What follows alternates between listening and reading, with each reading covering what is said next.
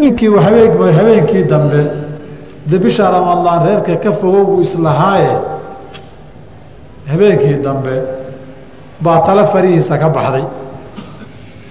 Nabigu u yimid calayhi salaatu wasalaamu wuxuu rasuulka ilaahayow ilaa ramadaan dhammaada dihaar muaqada baan galo oo wakti go-an leh. Talada farahayga way ka baxday. Maxaa kugu xambaaray buu yihi wax arrintaa kugu kalifay wuxuu yihi xilli dayaxay ifti habeen tahay. Baan dayaxa iftiinkeedu iftiinkii dayaxa baan lugaheeda cadcadaankeeda arkayo anigiiba meelaan joogaan garan waayo waa ismadax maray saas darteed nabigu calayhi salaatu salaam wuxuu ku yidhi inuu kafaaro bixiyuu amray. Riwaayadka qaarkood wuxuu leeyahay fa amaranii an actazilahaa xataa ukafir inaan iska daayo buu nabigu amray. Maxalushaahidku waxaa weeye qisadaasoo xadiidku uu saxiix yahay riwaayaad iyo duruq kalena uu leeyahay nabiga wuxuu aqbalay in ninkani yidhi daahartu min imra'atii xataa yansalikha ramadaanu waa dihaar muaqadoo wakti go'aan la qabtay. Inta waktigaa ah unbuu ku ekaanayaa. Kadibna xarigaa furanoo saa rabtaad yeelaysaa riwaayadka qaarkood waxay ku dareen qisadan salamata bni sakri radi allahu canhu ardaah. Maxaa kugu kalifay in la yidhi inaad bisha ramadaan aada dihaar gasho. Tii hore waxay ahayd dihaarka inaad jabiso maxaa kuu kalifoo nabigaa weydiiyey. Riwaayadka qaarkood waxay leeyihiin in la weydiiyey sheegayaan maxaa sababta kuu kaliftay dihaar muaqadaho bisha ramadaana waxaan rabay buu yidhi inaan reerkayga ishalmaansiiyo qofba meel baa ilaahay u furaaye wuxuu yidhi waxaan ka baqayey haddii aanan reerka ka fogaanin inta habeenkii aan bilaabatan iyo maalintii inaan iskala reebi waayo oo anoon dhammaysanin waagu ii beryo baan ka baqayey buu yidhi. Soomaalidu waxay yidhaahdaan listin buu dhashay ma taqaanaa? Dambaydaan kitaabdayi jirine meelaha laga kitaabdayo bay listintu ku qoran tahay soomaalidu magacyo badan bay la baxdaayo qadiyadii xidigaha taiir dunida ku leh oo baqaayaadkii diintii saabiada ee cibaadatlkawaakibka ahaa ka dambeeyey. Kutubtii falagi abumacshari falaki ee muqadimada horudhaca dayrabiga intaan la gaadhin la akhrisan jirayna kitaabadana laga baalrogi jirayna waa ku taallaa warkii meel xun kala degay weeye fakhrudiin iraazi markuu qoray kitaabkiisa asiru lmaktuum fii mukhaaabati asaxarati waاnujuum ilaa shekh islaam temiya yihi mutakalimiinta waxaa ka mida man yualifu fii diini اlmushrikiin kama facala araaziyu fi siri اmaktuum siri maktuum nuxurkiisu waxaa weeye aflaaq toddoba oo nujuumtii iyo xidigaha ay ka mid yihiin baa jiro ilaahay uunka markuu abuuray iyaga maamulka iyo xilka uu ku wareejiyey warka nuxurkiisa gebagabadu intaa weeye wixii ka dambeeyana iyadaa tasarufka iyo awoodda maamulka iskale soomaalidu haddaba urur waa taqaanaan dadka loo bixiya sooma xidigaha waxay yidhaahdaan waxaa ka mida xidig urur la yidhaahdo. Ururku koox badan weeye waxay leeyihiin way tafaa-ulaano habeenkuu dayaxa la fadhiya ilma wiilka dhashaay. Dad badaan buu dhalaayo wuu tarmaayo urur baa loo bixiyaa. Xidiguu la fadhiya wadaadunbaa macalin ugu waxaa sooma qolana waxay yidhaahdaan cadaad xayn ma taqaanaan. Xidig yaroo guduudan ay afar saddex afar xaba ag joogaan weye xaynla way xayn yaroo adhigu haystaayo waxay ku leeyihiin habeenkuu la fadhiya ilmihii dhashaay weligii faqiir buu ahaanoo intaa yartaa xeriis dhaafi maaya. Faqrigii iyo tarankii labadaa xidigood baa la siiyey. Suxul iyo mariikhna waa taqaanaanoo waxay ku leeyihiin soomaalidu haddii bishu ay dhalato iyadoo suxul iyo mariikh la fadhida sanadkaa abaar buu noqdaa bay yidhaahdeen lagu kala cararay. Mid godan la yidhaahdaa jirto saddex xidigood oo labana siman yihiin. Midna yar godan tahay baa jiro oo hadday bishu bilato. Iyadoo godan la fadhida meel godan waa laga cararaa sanadkaa waa biyo badan yahay bay yidhahdaan haddaba xarshaahidku waxaa weeye waa listin. Listin waa saddex xidigoodoo yar yaroo dhardhaaradii dheriga lagu karinaya aada moodo wiil iyo gabadhba waxay yidhaahdeen qofkii habeenkuu la fadhiya dhashaay shahwadiisaa zaa'id noqoto xarig iyo xakama ma yeelato. Markii qofkaa la sheegaya marka waxay ku leeyihiin listin buu dhashay talaba salamata min asakrin iyay ujeedeen calaa kulli xaal ninkan wuxuu yidhi haddaan fiidkii bilaabo intan iyo waa beriga aan isqaban waayo oo maalintiiba ayla gasho baan ka baqayo albaabkaaba iska xir baan islahaa buu yidhi marka iska xirtiiba haddana ku fakatay lafteedii dambe. Calaa kulli xaal masalada ugu dambaysa baabu dihaar. Dihaaru lmar'ati wey. Haweentii haddii ay tiraahdo iyadu ninkeedii ay ku tiraahdo aabbahay oo kale aad iga tahay anta calaya ka dahri abi ama anta calaya ka dahri ummii hadday tiraahdo dihaar ma noqonaysaa? Asaxiixu laa. Waxba ka dhalan maayo culamada qaar baa waxay yidhaahdeen taana waa madaahibta aimadu siday suracsan yihiin masalada waxay ku saleeyeen waxay dhahdeen sidiisaba dihaarku wuxuu ahaan jiray qeyb ka mida qaybihii furqada iyo kala taga. Furqada anwaacdeeda kala duwanna rag ninka gacani ugu jirtaa ee dumar kama timaado. Midda labaad waxay yidhaahdeen haweentu inay xalaal tahay xaaraantinimaynteeda inta qaacidada sharciga aanu aragnay xagga raggay ka timaadaa. Ee kuma hayna qaacidada sharciga taxriim ka imanaya tasaruf haweentu ay samaysay iyo eray iyadu ay ku dhawaaqday. Allaahuma dawey gaalowday iyo diin baa laga baxay gaal wey culamada qaar waxaa laga soo guriyaa sida xasan albasri iyo shahabudiin izuhri iyo ibraahim innakhaci iyo abu camrin alawsaaci ninkii la dhihi jiray iyo kaaa waa yemiin bay ka dhigan tahay dhaaro. Kafaaratu yemiin bay iska bixin bay iyagu yidhaahdeen laakiin la ygala xoog badan. Faslun faslka ka dambeeya waa fasl licaani ninka iyo haweentiisii oo lacnad iyo dhaar isaga wareega weeye. Masaladan waa masale suuratu nuur awalkeeda lagu sheegay waana masalo la xiriirta baabu lqadfi xaddulqadaf qofka markii qof caayo oo ninkii iyo haweentii ninku haddii uu ku yidhaahdo waad sinaysatay waad gogol dhaaftay arrinkaasi baa xalka sharcigu u dejiyey wuxuu yahay inay laba dariiq furan tahay ninkii haddii uu arrintaas sameeyo inuu markhaati keeno iyo haddaanu haynin inuu baabu licaan ku xuja baxo. Waidaa faslun ay fi licaani weeye waidaa rama rajulu ninku haddii uu ku ganoo ku tuuro zawjatahu xaaskiisii bizinaa zina haddii uu ku tuuro way zinaysatay uu yidhaahdo fa calayhi waxaa waajib ku ah xaddu lqadfi xaddulqadaf baa waajib ku ah ilaa an yuqiima albayinata markhaati inuu soo taago aw yulaacina ama licaan uu gala maahane. Labadaasuu kaga bixi karaa.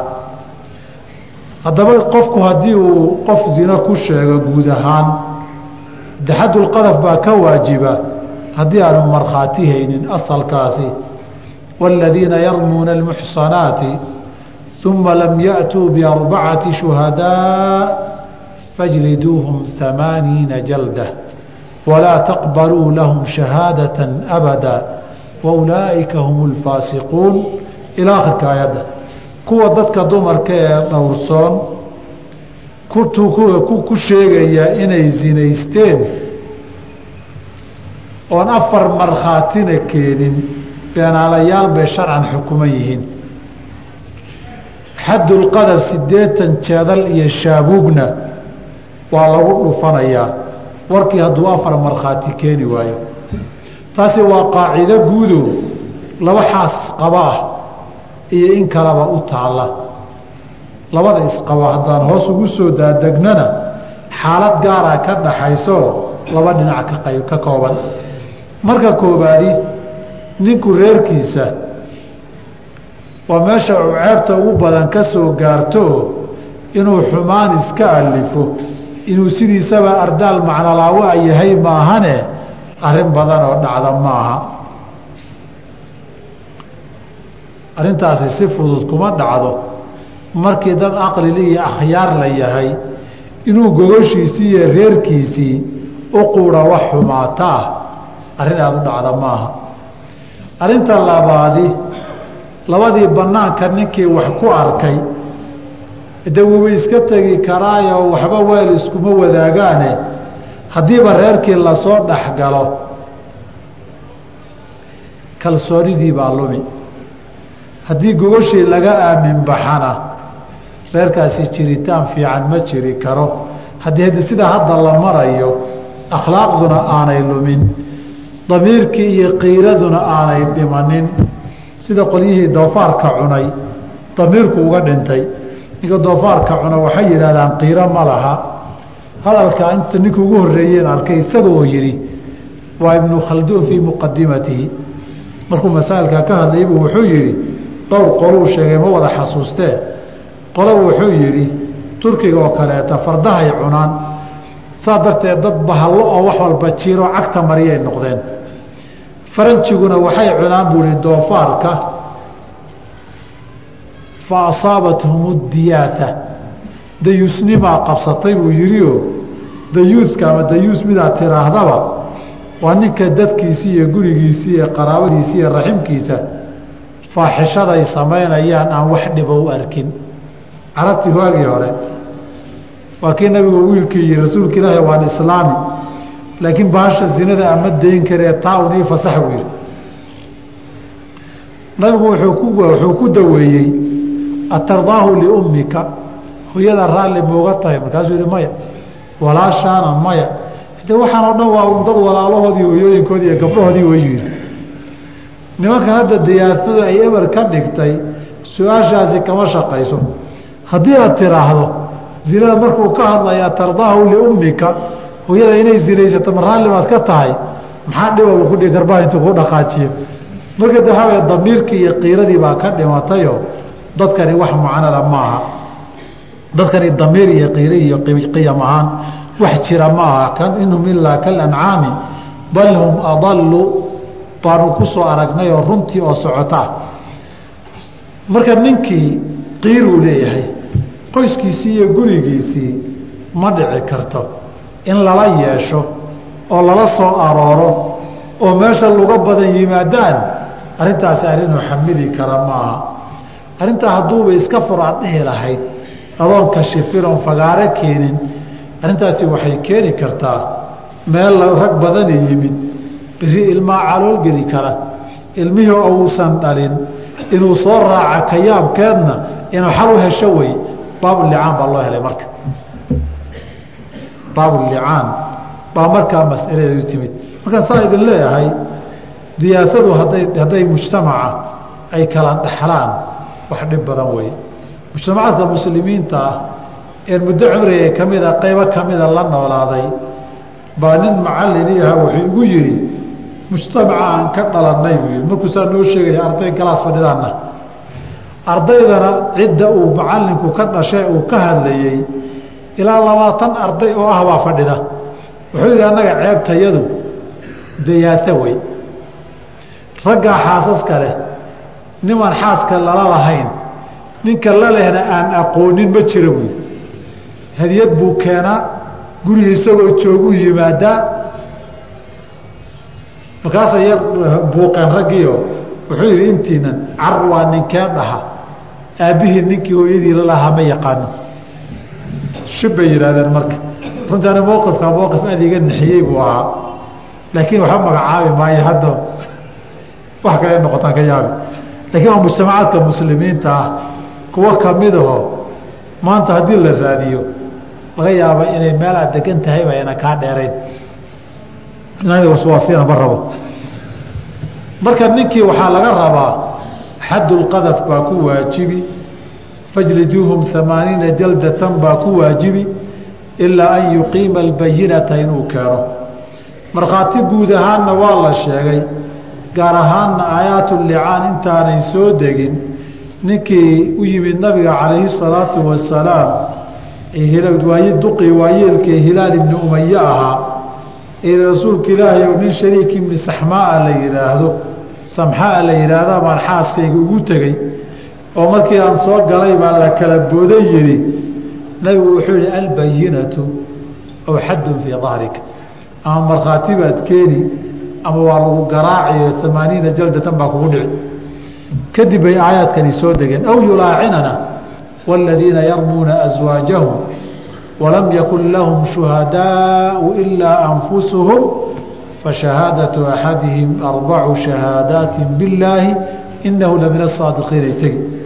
Kuwa xaaskooda zinada ku sheega markhaatina aan haysanin.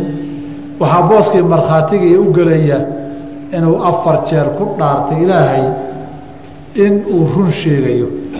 Marka labaadna anna lacnata allaahi calayhi.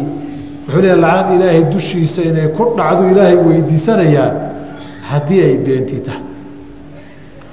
Saas darteed buu wuxuu yidhi fayaquulu wuxuu odhanayaa cinda alxaakimi qaadiga agtiisa fi ljaamici masaajid jaamica wuxuu ka dhexdhihi cala almimbari mimbarka la saaraya lafdigaa mimbar in la saarayo intaan garanaya daliil aada sariixoo asaxay ma laha. Fii jamaacatin dad badan oo min annaasi ka mid ah ashhadu billaahi ilaahay baan ku dhaaranayaa inanii anigu la min asaadiqiina kuwa runta sheega inaan ka mid ay runtay tahay fii maa ramaytu bihi waxaan ku tuuray islaantaan ku sheegay zawjatii xaaskaygii fulaanata hebla ahayd oo mina zinaa zina inay ku dhacday gogol dhaaftay ah. Wa anna haada alwalada haddii ilmo jiro oo ilmahana uu diidan yahay oo anigu ma dhalin uu leeyahay wuxuu ku dari wa anna haada alwalada ilmahan min azinaa zinuu ku dhashay walaysa minii anigu maanan dhalin. Arbaca maraatin afar jeer buu hadalkaa ku celin oo intuu soo bilaabo uu dhammayn. Wayaquulu wuxuu leeyahay fi lmarati alkhaamisati marka shanaad bacda an yacidahu lxaakimu xaakimku markuu wacdiye kadib wa calaya ereyga waa laga fiicnaa bay yidhaahdaan wa calayhi lacnatullaahi dushiisa inay lacnadii ahaato in kaana hadduu yahay min alkaadibiina dheh in kunta adiga maxaad isaga dhigi meelaha muwaainta khatarka ah damiirka adiga la isuma tiiriya waa la isyar garamariyaa bay yidhahdeen walidaalika qur'aanku saasuu sheegay waalkhaamisatu anna lacnata allaahi calayhi. Isaga dushiisa lacnadii inay ahaato in kaana min alkaadibiin u dhih adigu markaad akhriyayso dhib ma laha dhinac marka la eego. Waa ka yidhahdaan xikaayat lkufri laysat kufran. Gaalnimo haddaad soo guuriso ninbaa sidaa yiri aad tidhaahdo ama aad tidhaahdo saa ninku hadduu yidhaahdo adiga xukunkii qaadan maysid adigu xukunkii qaadan maysid saas darteed ninku wuxuu leeyahay inay lacnad ilaahay dushiisa ahaato hadduu warka uu sheegay been yahay. Fa shahaadatu axadihim arbacu shahaadaati billaahi inahu la min asaadiqiin waalkhaamisatu ana lacnata allaahi calayhi in kaana min alkaadibiin ama arinta wacdiga tii nabigu ku yidhi weeye calayhi salaatu wasalaam markii hilaal ibni umaya aayadahan soo degeenee dhaaranayay baa nabigu wuxuu ku yihi yaclamu in allahu yaclamu ana axadakumaa kaadibun. Fahal minkumaa taa'ibun? Ilaahay wuxuu og yahay midkiin baa been sheegaya. Waradhi midkiinna ilaahay intuu u soo noqdo warkan ma iska daynayaayo ma joojinayaa dhowr jeer buu nabigu ku celceliyey calayhi salaatu wasalaam. Hadalkaasoo waa looga jeeda bacda an yacidahu lxaakimu amaa jamaaca inay tahay masaajidka tahay way sugan tahoo nabigu calayhi salaatu wasalaam xilligii arrintaasi ay dhacaysay masaajidkuu keenay. Dad badanna waa joogay. Wayatacallaqu waxaa ku xirmaya oo ka dhalanaya macnaa aathaariya ka ratibmaya bilicaanihi isaga licaankiisa khamsatu axkaamin shan xukun baa ka dhalanaysa shanta xukun kow suquuطu اlxaddi canhu xaddi isaga inay ka dhacdo oo xaddulqadafkiibuu ka beri noqonayaa midda labaadi wa wujuubu اlxaddi calayha iyada xaddi inay ku waajibto waa intaan licaanka wareegeedii soo gaarin. Bidaliil aayaddu inay tidhi wayadra'u canha alcadaaba. Cadaabka iyo cuquubada waxaa ka difaaci kara oo keliya iyana inay dhaarato. Bimacnaa way ku waajibtay hadday dhaaran weydo. De xaddii baa laga fulinoo iqraar zinay noqon wuxuu ku sheegay. Markii ay iqraar noqotona baabu rajmi bay geliye. De naaxaas ahaydoo nin guursatoo qabay weeyaba waxaa kaloo ka dhalan wazawaalu lfiraashi. Firaashkii inuu zuulo oo xarigoodii kala go-o markaa uu licaantamay ama iyadoo ha licaankii sidiisoo kale ha samayso ama ha diido ama wax kastaba si kastaba ha u dhacaane xarig iyo xiriir waa go'ay. Xariggii isu hayeyna wuu furmay. Wa nafyulwaladi ilma hadduu jirayna ilmihii oo baal ka maray oo ina hooyadii noqday oo hooyadii iyo reeabtigii asab iyo abtir iyo dhaxalba ay isku yeesheen oo aan aabba lahayn oo sidii wacalkii ah buu noqday. Wataxriimu inuu xaaraan yahay cala alabadi weligood ifka labadoodu hadday soo haraanna inaanay isguursan karin. Intaasaa ka dhalan furqadiiyo kala tagaa nooceeduna madhabka shaaficiyadu waxaa weeye waana siday maalikiyada iyo xanaabiladu la qabaane furqadu waa nooca faskhiga weeye oo bixaydatin bay ku cidda tirsan oo istibraa ku samayn haddii aanay uur lahayn. Laakiin qaybtii alaaqee saddexda caadi iyo saddexda bilood iyo maaha.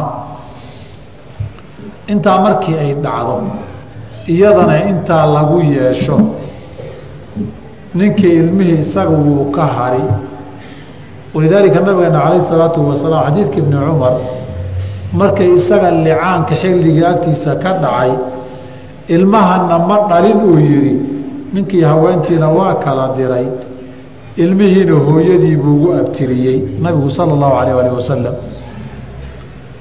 haddaba saanta maadaama nabigu uu yeelay nasabkii ilmaha iyo ninka ka dhaxeeyey wuu go'ay oo ilmuhu aabba ma leh.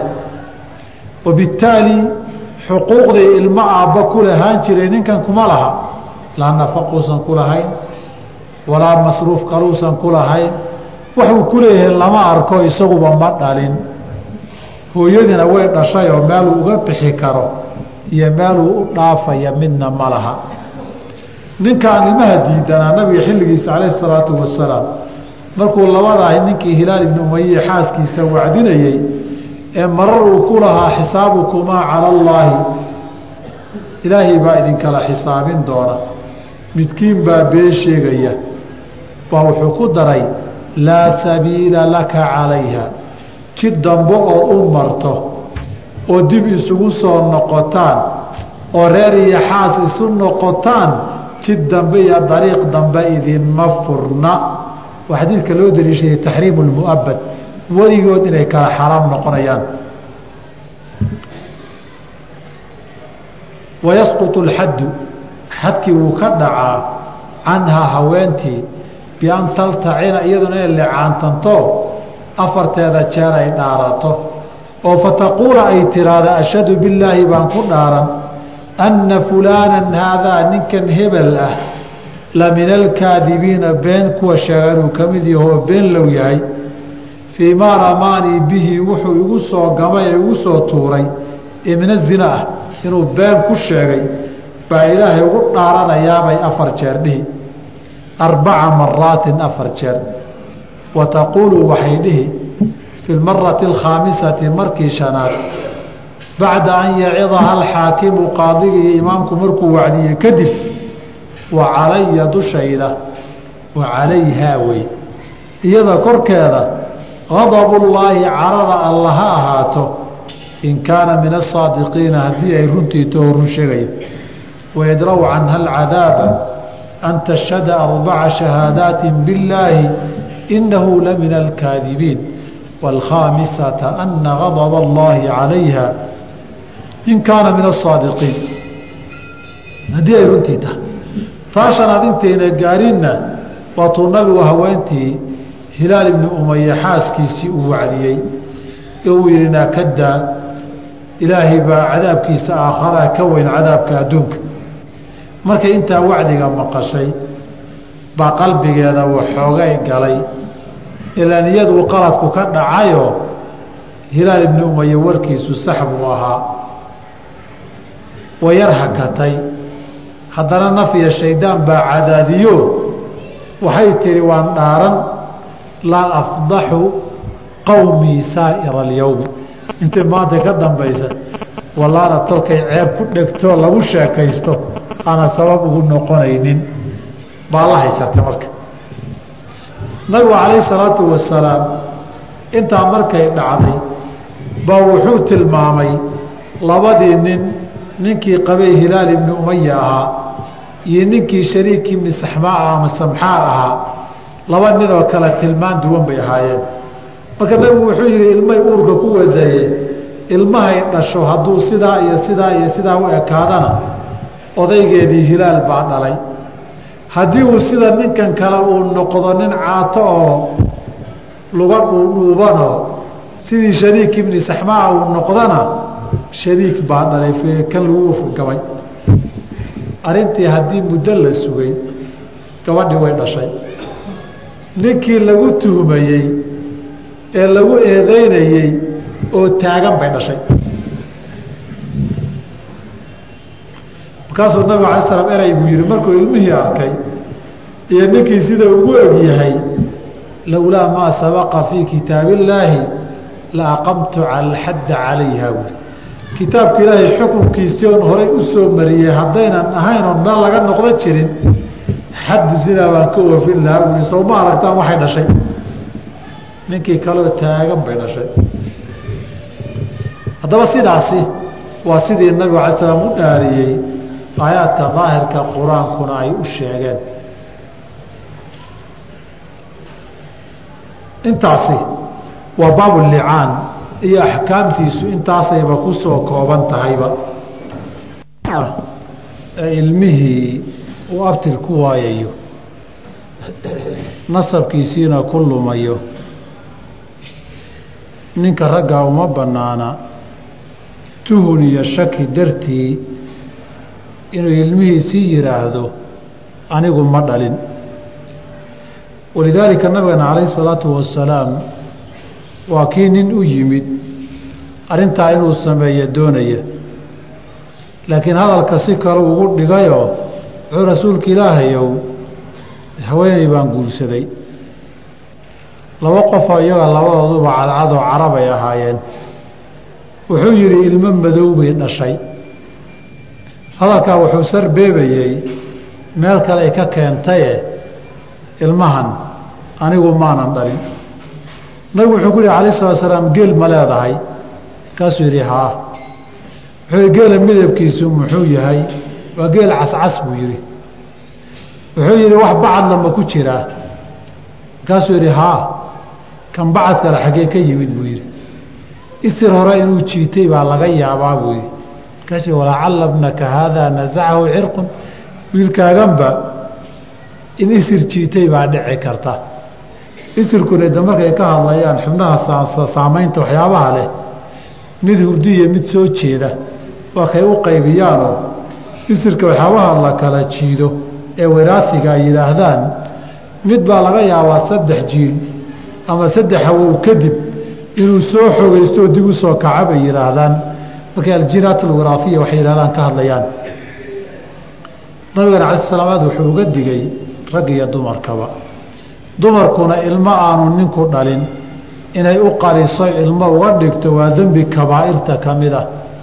Ninkuna ilmo uu dhalay tuhun iyo shaki uun inuu isaga gooyo oo u diido iyadana waa musiibo kaloo labaad oo kabaa'irta ka mida wey. Walidaalika wuxuu yidhi haween kasta oo dadka ku soo darta ilmo aanay dhalin u qarisoo ka mid dhigta ilaahay agtiisa wax fiicani uma yaal jannadiisana gelin maayo. Nin kastoo ilmihiisii oo uu dhalay diida ilmihii oo soo fiirinaya iska gooyo iska reebana ilaahay baa iska qarinaya oo iska xijaabaya goorta muuminiintu ay arkayaan.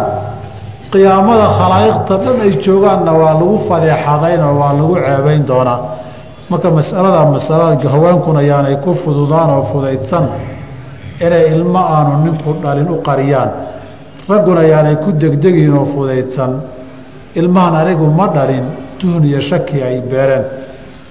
Faslun waaway filciddati weeye iyo haweenku say u cidda tirsanayaan. Waalmuctadatu haweenka ciddada tirsanaya calaa darbeyni laba qaybood weeye. Sideedaba ciddada waxaa la yidhaahdaa haweentu xilliga ay xiriir horoo nin ka dhaxeeyey uu go'ay oo furmay weeye sabab kastaba ha u furmee haddii uu xariggii go'ay inta aanay nin kale guurkiisa u bannaanaanin xilli hubsi ah oo la eegaya raximkeedii ilmihinkii hore waxma kaga haray mise waa bannaan yahay bay shariicadu marisaa. Saa darteed iyadoo ilmihii hore iyo caloosheeda ku jiro ama aan laga hubsan oo tuhun jiro guurka labaadi uma bannaana ijmaacan. Saa darteed walmuctadatu haweenka nin ay kala baxeen ee ciddo tirsanaysaay calaa darbeyni laba qaybood wey. Mutawafaa canhaa haween laga geeriyooday oo geeridu ay tahay sababka xariggii inuu go-o wagayru mutawafaa canhaa iyo midaan laga geeriyooninoo nolosha lagu kala tegey taas nolosha lagu kala tegey bisababi alaaq bay noqon kartaa bisababi licaan bay noqon kartaa fasaq bay noqon kartaa khuluc bay noqon kartaa laqa calayhi alxaakimudii bay noqon kartaa. Nolosha siyaabo badan baa lagu kala tegi karaa ikhtilaafu diin baa dhici karoo labadii qof walciyaadu billaahi ee mid baa diinta ka bixi kara. Falmutawafaa canhaa ta laga geeriyooday in kaanat xaamilan hadday uur leedahay fa ciddatuhaa ciddadeedu biwadci alxamli uurkaa ilmaha caloosha ku jira inay dhasho bay ku xihan tahay ama ha dhowaato ama ha dheeraato. Ama uurku bilowba ha noqdo xilliga geeridu soo gashay ama iyadoo xaamilo oo fool ah oo sagaalkeedii soo dhammaysatayba ha noqotee cumuumkii aayadday soo geli ulaatu laxmaali ajaluhunna an yadacna xamlahun kuwa uurka leh ajashoodu waa inay ilmaha caloosha ku jira dhalaan bay soo gelaysaa inay soo gelaysana xadiid saxiixa kuu soo aroorayoo gabarh subayca la dhihi jiray baa xilligii nabiga ninkeedii geeriyooday sala allahu calayhi waalihi wasalam ninkeedii dhowr habeen markuu mootan yahay bay ilmihii caloosha ku waday dhashay. Markaasay isdiyaarisay. Markaasaa dad baa la hadlo waxaa la yidhi naakowba ma joogtido. Shalay unbuu ninkii dhintaye isdiyaarintii isqurxintii issharafxu muxuu yahay? Walaadan guursanayn ilaa afar bilood iyo toban habeen la gaaro. Way soo labisatoo nabigay soo aada cala salaam. Waxaad rasuulka ilaahay ou ninkaygii waa dhintay. Habeenno kadibna ilmaan dhalay anigoo iska iska xaragoonaya baa hadalkaa la igu yidhi. Markaasuu wuxuu yidhi maya ma guursan karaa? Waad guursan kartaa buu yidhi. Sidii bay ku guursatay nabiga calayh salaam xilligiisii. Haddaba gabadhaa laga dhintay maalmo kadibna dhashay ciddadeedii way dhammaatayoo cumuumkii inay soo gelaysuu nas ku yahay wa ulaatu alaxmaali ajaluhunna an yadacna xamlahunna wain kaanad haddii ay tahay gabadhii laga geeriyooday xaa'ilan mid golmarana hadday tahay oo dhulkiiyo caloosha wax ilmaa ku wadin fa ciddatuhaa ciddadeedu arbacatu ashhurin afar bilood iyo wa cashrun toban habeen wey. Afar bilood iyo toban habeen baa loo tirinayaa haddayna uuriyo ilmo caloosha ku wadin muطlaqan iyadoon la kala qaadin dheh marka. Waxaan la kala qaadaynin haweentan iyo ninkani dad reer isu ahaa miyay ahaayeen? Mise ma aha. Ma haween caadi iyo xayd ku dhacaa? Mise ma aha. Waxba la kala qaadi maayo. Waaladiina yutawafawna minkum. Kuwa idinka mid ahee geeriyooda. Wayadaruuna aswaajan haweeniyo xaasasna ka taga. Yatarabasna bianfusihinna arbacata ashhurin wa cashra waxay naftooda sugaysaayay guurka iska ilaalinaysaa dambe afar bilood iyo toban habeen. Kadib haddii ay gaaraan wixii xarage iyo isqurxin iyo shaxartaana famaa bilmacruuf waxay u sameeyaan. Falaa junaha calaykum fii ma facalna fii anfusihina bilmacruuf. Haddaba qofta laga geeriyooday labadaa midun bay noqotaa. Inay uur leedaho ilaa ilmaha ay dhashay ciddo tirsato iyo inaanay uur lahaynoy afar bilood iyo toban habeen tirsato. Wagayru lmutawafaa canha. Ta laga geeriyooday midii aan ahayn sida qaalibka ahaydunbuu ka xambaarayo ee muطallaqada ahaydee la furay.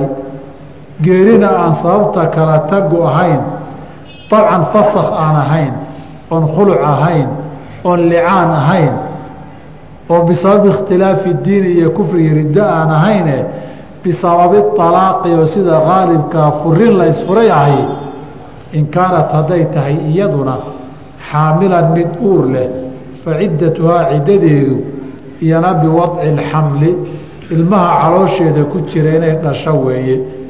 Aayaddii cumuumkeedii wa ulaatu alaxmaali ajaluhunna an yadacna xamlahunna wey inay cumuumkaas soo gelayaanna nas khaasa loo hayayo xadiidkii saxiixa ahaa ee qisadii zubayr ibni cawaam qabsatay wey isagoo salaada subax u soo socda ay xaaskiisii ku tiri ee waxoogay isku dhedheci jireen ayib nafsii bialqatin hal dalqada igaga yar farxi bay tihi fool baana haysa. Isaguna ma oga. Markaasuu yidhi waa yahay. Wuxuu ku fikirayey markaad salaada soo tukateed soo noqoto an rajactu iska dhahay markaasuu wuxuu yihi waa yahay hadda waa gufuray salaadii buu iska doontay iska soo wardiyey islaantii oo mushay buu yimid. Nabigu u yimid ala rasuulka ilaahayow gabadhiina hebelahayd saasay ii tiri saasaanan dhacday buu yihi markaasuu nabigu wuxuu ku yihi malakat amraha arrinteed iyaday gacanta u gashayoo wax dariiqoo kuu furan lama arko. Waa kuu dhihi jiray markaa kadib zubayr aratni way khayaantay way hoosgelisay. Saasuu dhihi jiray zubayr radi allahu canhu ardaahu. Wain kaanat hadday tahay xaa'ilan mid golmadhana hadday tahayoo aan caloosheeda uurna lahayn ilmana ku jirin labaa loo kala qaadi. Gabadh caado ku dhacda miyaa mise caadaba kuma dhacdo iyada. Wahiya min dawaati alxaydi iyadoo ah min dawaati alxaydi kuwa caadada ku dhaca xaalay tahay faciddatuhaa ciddadeedu halaathatu quruu'in saddex qur'i weeye saddexda qur'i ay tahay waa aayaddii qur'aankayd ee baqara waalmuطallaqaatu yatarabasna bianfusihinna haweenka la furay naftooda waxay sugayaanay guur kale iska ilaalinayaan halaathata quruu'in saddex qur'i bay iska ilaalinayaan wahiya quruudaasi al athaaru baa looga jeedaa lafdiga waa lafdiga mujmalka la yidhaahdee xaydka iyo uhriga labadaba qur'i baa la yidhaahdaa. Halkan iyagu waxay rajaxeen hadda uhrigaa looga jeedaa. Waxay ku rajaxeen qadiya masala iska basiita ahoo waxay yidhaahdeen masala naxwiya weeye. Masalada naxwiyada baabulcadad markaad naxwada aqrinayso cadadka min alaaa ilaa tisca hadduusan wasanka faacil iyo haani iyo haalis ku imanin cagsa almacduud buu noqdaayo waxay yudakaru maca almuanasi wa yuanasu maca almudakari waxay haddaba lafdu uhri waa lafdi mudakar ah. Alaaatuna ta baa lagu daray.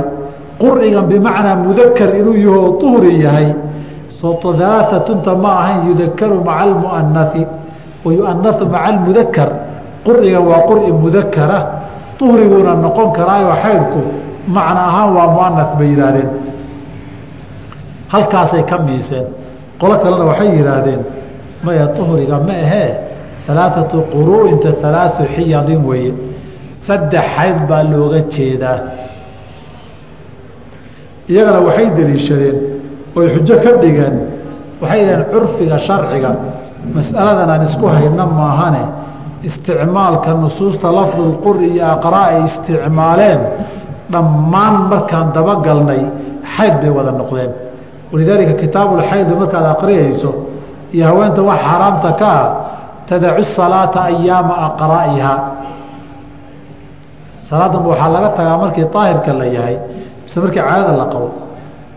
Walidaalika masaladaas aad waxaa nusuusta u soo arooriyey aahaarna keenoo ugu dooday qur'igani bimacnaa xayd inuu yahay lama madhabka xanaabiladee ibnulqayim raximah llahu tacaala fii iclaami lmuwaqiciin can rabiilcaalamiin mubaxas dheeroodooda buu halkaa ku sheegay.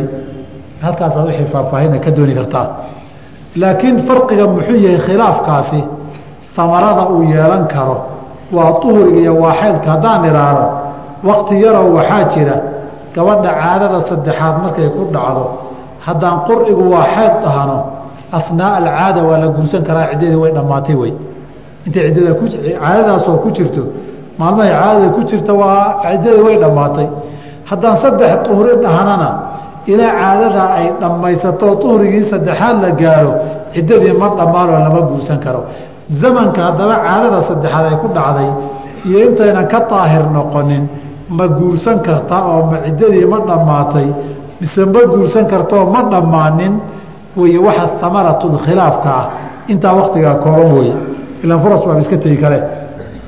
Wain kaanad haddii ay tahay gabadhu sagiiratan mid yaroon gaadhinba inay caado iyo xaad ku dhaco. Aw aayisatan ama mid kaba quusatay ama jiri iyo xanuun ku dhacay baaba xaydkiiyo caadadii guureen.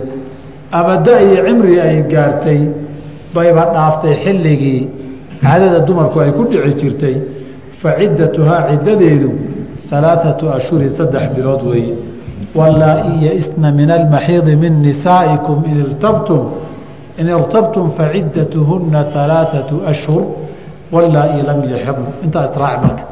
Haweenka ka quustay xaydka oo haweenkiinii ka mida haddii aada shakideen oo iyaga maxaa lagu samayn? Aada istiraahdeen faciddatuhunna alaaatu ashhurin saddex bilood weeye ciddadeedii aayasadii wataas sagiiradiina wallaa-i kuwii lam yaxidna aan xaydba ku dhicinna kadaalika sidaasoo kaleeto wey iyagana saddex bilood bay tirsanayaan iyana aayadaasaa lagu sheegayo wax damba udayday uma baahna hal mid baa laga soo reebi qaybtan dambe ee golmaranta aan ninkeeda ilmo gelin waalmuطallaqatu haweenta la furay qabla dukhuuli bihaa intaan loo galmoonineen la reeraysan laa ciddata calayhaa wax ciddo ah laguma laha gabadh iyo garoobkay dooni ha ahaatee ilahina subxana tala suurat laxzaab waa kii ku yihi yaa ayuha aladiina aamanuu idaa nakaxtumu lmu'minaati uma طallaqtumuuhuna min qabli an tamasuuhun famaa lakum calayhina min ciddatin tactaduunaha wax ciddo idiin tirsanayaan. Ma laha. Haddii haweenkii aada guursateen furtaan idinkoon isba taabanin. Saa darteed buu yidhi laa ciddata calayhaa wax ciddo oo lagu leeyahay ma jiraan. Intaa laga soo hadlayey asalkii ciddada iyo haweenkii xorta ahaa ciddadoodii wey wa ciddatu اlamati addoonta ciddadeedu bilxamli uur bay ahaaday ka ciddati اlxurati sida gabadhii xortay ciddadeeda. cumuumka wa ulaatu اlaxmaali unbay soo gelayaan an yadacna xamlahunna nabiguna calay isalaatu wasalaam isagoon ka gaar ahaan ka hadlaya qaybta addoommada ah baa sabyigii la soo qabsaday. markii la yihi la qaybiyey buu nabigu ka reebay haween uur leh inuu ninku addoonba ha u noqotee inta ay uurka leedahay wax ka dayo. Markaasuu wuxuu yidhi ninka ilaahay aakhiro rumaysan falaa yasqim isqimaa'ahu zarca gayrihi.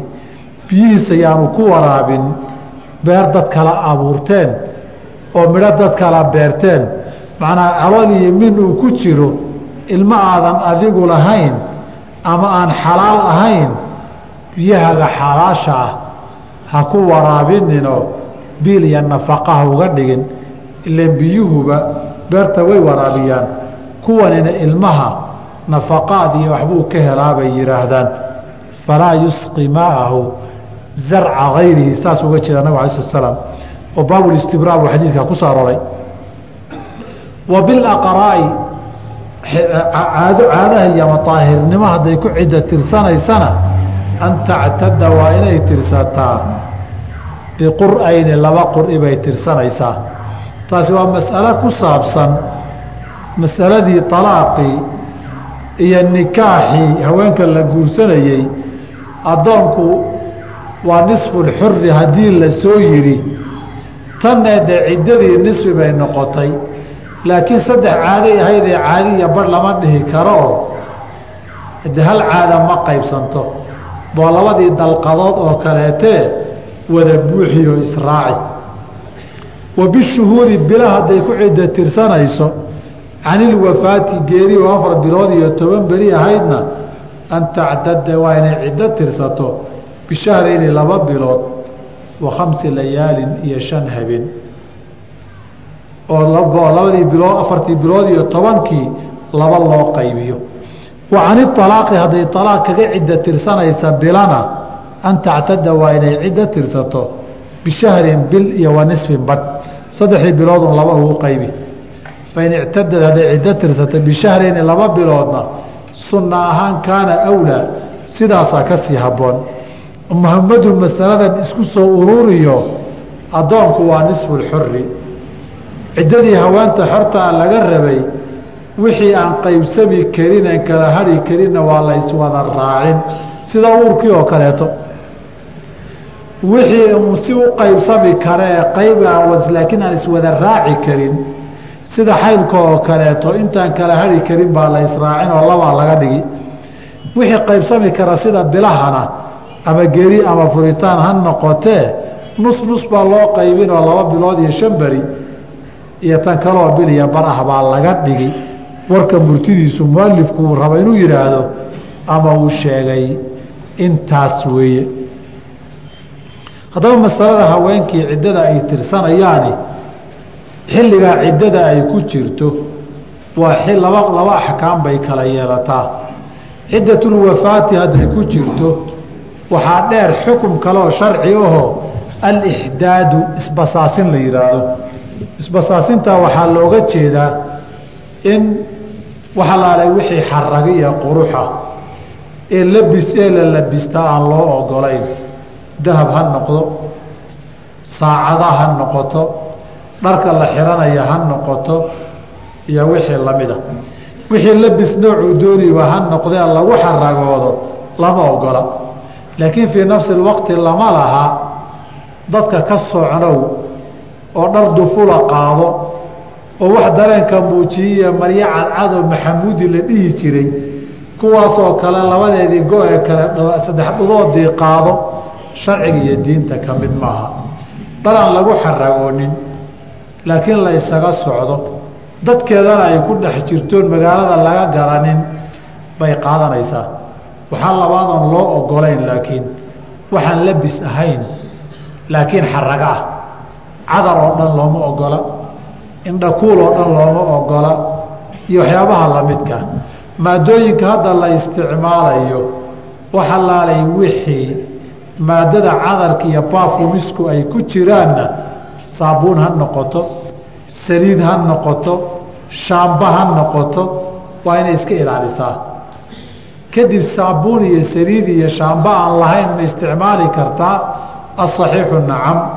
Markana saxiixu ku idhaahdo wa fiihi khilaafun baa daba taalla. Culimmada qaar kaba daaleh baa jira. Laakiin shariicadu ma aha qofkii in la leeyahay madaxeeda jermisa ku dhasho oo injiri ha ku dhalato oo yaana iska dhaqin oyna nadiifinin oo jirku ha dildilaacee yana saliid iyo wax dufanle iyo kareem iyo iska marinin maaha macnaheedu? Kii dhaldhalaalka ahaa ka ilaalisa waay. Ilan xilligan hadday dhaldhalaal bilowdo waa la daba dhigan.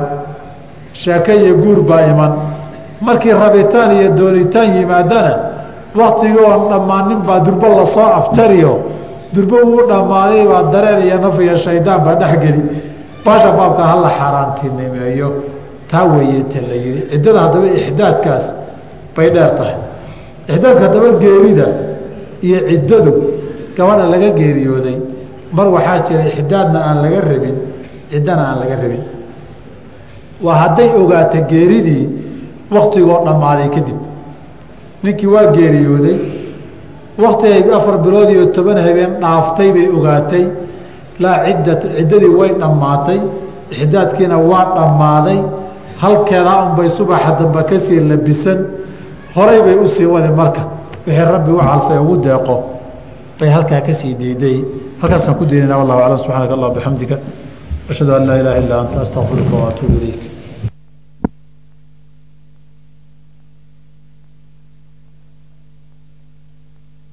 بسم الله الرحمن الرحيم الحمد لله رب العالمين وصلى الله وسلم على رسوله الأمين وعلى آله وأصحابه أجمعين ومن تبعهم بإحسان إلى يوم الدين أما بعد waxaan soo gaarnay maadaama cashirkii u dambeeyey xalay oo ku saabsanaa haweenka iyo gabdhuhu ciddada ay tirsanayaan waxaan soo gaarnay xuquuqda haweenta ay leedahay xilliga ciddada ay ku jirto marka wuxuu yihi faslun bimacnaa waxaa u waajibaya ee xuquuqa ay leedahay haweenta ciddada ku jirta ee ninkeedii ay kala tageen.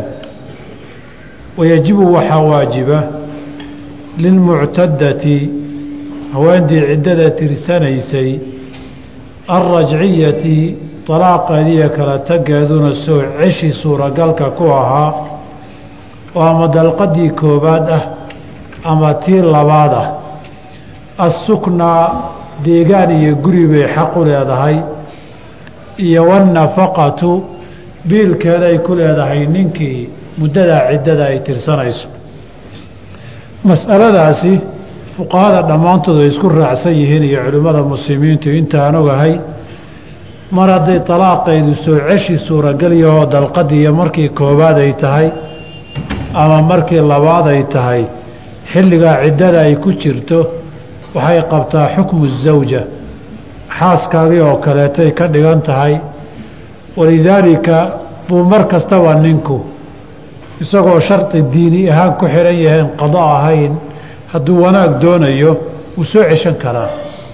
Haddii ay dhimatana wuu dhexlayaa hadduu dhintana way dhexlaysaa xilligaa ciddada ay ku jirta gudaheeda marka maadaama xukmu zawja ay tahay nafaqadiina way leedahay gurigii iyo deegaankiina way ku leedahay ninkii inuu ka bixiyo muddada ciddada. Ah wayajibu waxaa waajiba lilbaa-ini haweentii dalqadaheedu dhammaadeen ee saddexdii dhammaatay asuknaa guri bay leedahay duuna nafaqati laakiin nafaqa iyo biil ma leh ilaa an takuuna inay tahay xaamilan mid uur leh maahane haddaba haweenkii haddii la yidhi guri iyo deegaan iyo biil iyo nafaqaba way ku leedahay wixii gogol iyo jiif marka laga soo reebay iyo qeybta habeenkii ah wixii daryeelahee xaas mudnaabay mudan tahay wixii daryeelahee xaas xaq u lahaana xaq bay u leedahay maadaama taas la yidhi middii saddexdu ay ka dhammaadeen ee dalqadii u dambeysay lagu furay iyadu labay u qaybsantaa inay uur leedahay ilmo caloosha ku sido iyo in aanay uur lahayn labadaa mid weeye hadday uur leedahay sidoo kale nafaqo iyo biilna way mudan tahay guri iyo deegaanna xaq bay u leedahay. Nafaqadiiyo biilkana waxay ku mudatay ilmaha ay caloosha ku sidaa lagu nafaqaynayaa oo lagu biilayaa deegaankana inta ay ciddada ku jirtay xaq u leedahay laakiin nafaqadu inta ilmaha uurka ku waday ciddada ku jirta iyadana xaq way u yeelan. Kadibna ilmihii nuujintiisiyo unbay noqon. Haddiise aynan uur lahayn iyana xilligaa ciddada ay ku jirto guri deegaan ay ku leedahayoo gurigay deganayd iyadu inay isaga baxdo waan caradii oo reerka yagan aadi tiraadana lama ogola. Isagoo inuu yidhaahda dee gurigay iga baxiye guriga kiradiisa bixin maayana isna looma ogola. Ilaahay baana subxana wataala intaba guud ahaan qur'aanka ku sheegayoo waa kuu yidhi askinuuhunna min xaysu sakantum min wujdikum. Haweenkii aada furteen dejiya wixii aada awoodaan iyo halkii deegaan idiin ahayd dejiya. Walaa tudaaruuhunna litudayiquu calayhin. Hana dhibinoo ha cadaadinina si aada nolosha guriga ay degan tahay intaad ciriiri ugaga dhigtaan ay uga cararta guriga. Ha ku cadaadinina. Oo adigoo adigoon baxba dhihin. Inaad dhibto oo ama koronto ka goo ama biyaa laga gooyey dheh ama si kale ugu dhaga hadal ama waxoogay wax ku ciriiriyo guriga ha ka cararto. Anu kama saarin iyadaa baxday. Dee rabbiba subxaana wa tacaala addoommada xisaabiyo. Waxaad samaynaysa waa ogyahay marka waxaa laga rabaa ninkii inuusan cadaadin oo uusan ku xadgudbin litudayiquu calayhinna si aad ugu ciriiridaan. Saa darteed guryahooda inay degadaan baa la rabaa. Waxaa kaloo ilaahay qur'aanka ku yidhi laa tukhrijuuhunna min buyuutihinna. Ilan suuratu alaaq bilowgeeday ahayd alaqtum nisaa faaliquuhunna liciddatihinna waaxsu lcidda waاtaquu اllaha rabbakum laa tukhrijuuhunna min buyuutihinna guryahay deganaayeen intay ciddada tirsanayaan ha ka saarina idinku oo guriga ka baxa dhihina walaa yakhrujna iyana yaanay bixin iyana inay baxaan lama ogola iyaduna waa inay gurigeeda deegaan ahaan ugu ekaataa isaguna waa inuusan guriga ka saari karin haweentii la furay haween la furay oo dhan xilliga ay ciddada ku jirto aayaddani waa caam. Amaa nafaqadu rajciyadii iyo midda uurkale keliya iska leh. Walidaalika ilahi wuxuu hadda qaybtaya dambe wain kunna ulaati xamlin. Haddayse uur leeyihiin faanfiquu calayhinna biila oo nafaqadooda iyo biilkooda bixiya xataa yadacna xamlahunna ilaa ilmahay caloosha ku sidaan ay ka dhalaan biilkooda iyo nafaqadooda waa inaad bixisaan oo waajib ninka lagu leeyahay maadaama gabadhi ay culus tahay uur iyo ilmana caloosha ay ku wado. Haddaba mas'alada labaad oo ah gabadhu inaynan nafaqo lahayn haddii ay saddexdii dalqadood dhammaatay uurna aanay lahayn oo siday jamhuuru ahlilcilmi u badan yihiin culimmada qaar baa waxay leeyihiin xataa nafaqo keliya biilka guri keliya maahe haween la furay oo dhan ciddada ha loo daayo biilkooda ha qaataan. Calaa kulli xilliga nabiga calayhi salaatu wasalaam haween la furay baa jiray saddexdeena loo dhameeyey sida faatima binti qays radia allahu canha wa nabigu calayhi salaatu wasalaam markay gabadhii reerahoodii isyar qabsadeen bay u soo dacwootay. Dalqadii saddexaad bayna ahayd. Walidaalika fabatta alaaqii alaaqaygii buu dhammeeyey ay tihi batta alaaqiyada riwaayaad kalaa fasirayoo aakhira alqa haaliatin saddexdii dalqadood tii ugu dambaysay ugu furay bay leedahay. Markaasuu nabigu wuxuu ku yidhi laa nafaqata laki wax beela kuma lihid. Maraday saddexdii dhammaatay. Inama anafaqatu waasukna guri iyo nafaqo labadaba waxaa isku wada muta liman yamliku rajcata. Ninka soo ceshan kara baa nafaqo iyo biil iyo guriba lagu wada leeyahay. Adigu qur'aanku wuxuu ku siiyey guri laakiin nafaqo kuma lihid waayo saddexdiina way dhammaatay. Uurna ma lihid isaguna reerkiisii oo kale kama dhignidoo isma dhaxashaan. Mana ku soo ceshan karo. Saas darteed ciddadan unbaa tirsanaysaaye dad kale aad u horeynoo isaga dariiq uma furo saddexdii baa ka dhammaatay. Saas darteed nafaqo iyo biil haweentu xilligaas oo kale kuma laha. Riwaayadka qaarkood baa waxay ku dareen wax nafaqaa ma lihid ilaa an takuunii xaamilan. Inaad uur leedahay maahane amaa riwaayaadka qaarkood oo sheegaya laa nafaqata laki walaa suknaa riwaayada lafdiga walaa suknaa ku daraysa daciifo weeye. Faatima binti qays qisadeedu waxa la yihi ma lihid laa nafaqata laki wey. Inayna nafaqa iyo biil lahayn wey taasi waa haweentii la furay. Inay laba qaybood tahay. Hadday rajciyo tahay oo la soo ceshan karoon dalqadihii saddexdii dhammaanna sidii xaaskii bay xuquuq u leedahay. Marka laga soo reebo gobasha iyo jiifka iyo qaybta habeenkiia haddii saddexdii dhammaadeenna hadday uur leedahayna guri iyo nafaqaba way leedahay. Haddaynan uur lahaynna deegaankay xaq u leedahaye nafaqa iyo biil ma laha laakiin soomaalida dhaqan bay iska leedahayoo haweenta haddiiba la furo waa inay reerkoodii iska aado oo waxay ku mahmahaan naag la furay fadhi uma yaal. Marba haddii la furay waxay sharaf darro dhaqan ahaan u arkaan inay meeshii iska sii joogto. Allaahuma de caruurii intay leedahay inay xandhibaan maahane xilliga nabiga calayhi salaatu wasalaam waxaa jirtay gabar la furay oo jaabir ibn cabdillaahi habaryartii ay radi allahu canhu ardaah radia allahu canhuma wa ardaahuma. Baa la furay. Markii la furay bay waxay tidhi hade naag la furay fadhi uma yaale. Guriga iyaga iyo reerkii baa iska aadi. Markaasuu nabigu u diiday calayhi salaatu wasalaam maalinkii dambe de baahideeda wixii gabadha markii linay guriga ha laasimta haddaba masalada masalo muhiim ay tahay way inaad ogaataan. Haddii ay gabadhu ciddo ku jirto gurina ay degan tahay waxaan daruuro ahayn guriga ugama bixi karto ugamana guuri karto. Daruurada maxaa ka mida? Daruurada dee gurigii hadduu soo dumo haddii kiradii bishii intay kontraktigii iyo heshiiskii dhammaaday ka baxa la yidhaahdo haddii xaafaddii cabsi timaadoo lagaba qaxo hadday tuugo iyo wax sabab laga cabsado le tahay laakiin gabadh ciddo ku jirto horta ganacsi uma safri karto. Qaraaba salaadna ma aadi karto reerka yagan ku soo dhammaysanna ma dhihi karto. Ciddada waa inay guriga ku dhammaysataa. Laa tukhrijuuhunna min buyuutihinna walaa yakhrujna iyana ma bixi karaan. Bixitaankani waa bixitaan rasmi ay baxaan. Fuqahada jamhuurtooda waxay ku dareen ma soo dhixi karto. Guri sidiisaba waxaa loo degaa maalintiina in laga foofo.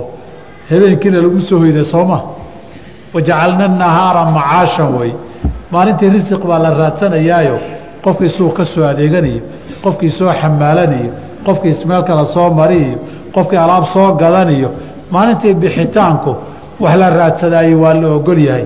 Walidaalika maalinkana jaabir habaryartii iyadoo intay baxday ti la furay ciddo ku jirta bay meel beeray lahayd bay miro inay ka soo gurato aaday. Ninba arko wuxuu yidhi hey adoo ciddo ku jiraad baxaysaa soo maaha. Walaa yakhrujna ilaahay sooma dhin ku noqo guriga. Nabiga u timid ala sl rasuulka ilaahayow anu meel kale uma socon.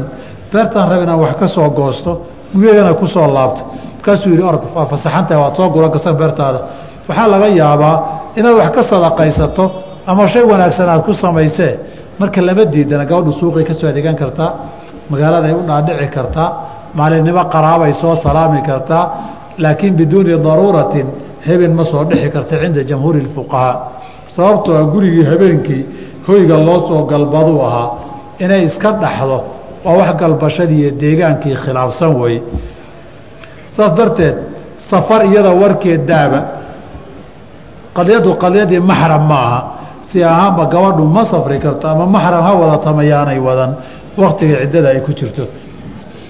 Taasi waa gabadhii la furay weeye midii laga geeriyoodayna wayajibu waxaa waajiba cala almutawafaa canhaa naagtii haweentii laga geeriyooday tii uu ka geeriyooday zawjuhaa ninkeedu alixdaadu inay isbasaasisaa laga rabaa. Wahuwa ixdaadku alimtinaacu waa inay ka reebtoonaato iska ilaaliso min aziinati waxyaabaha la ysku qurxiyo iyo waiibi waxyaabaha carfa inay iska ilaaliso wey nabigu wuxuu diiday waxyaabaha carfa ee cadarka ah ama maado cadar ay ku jirto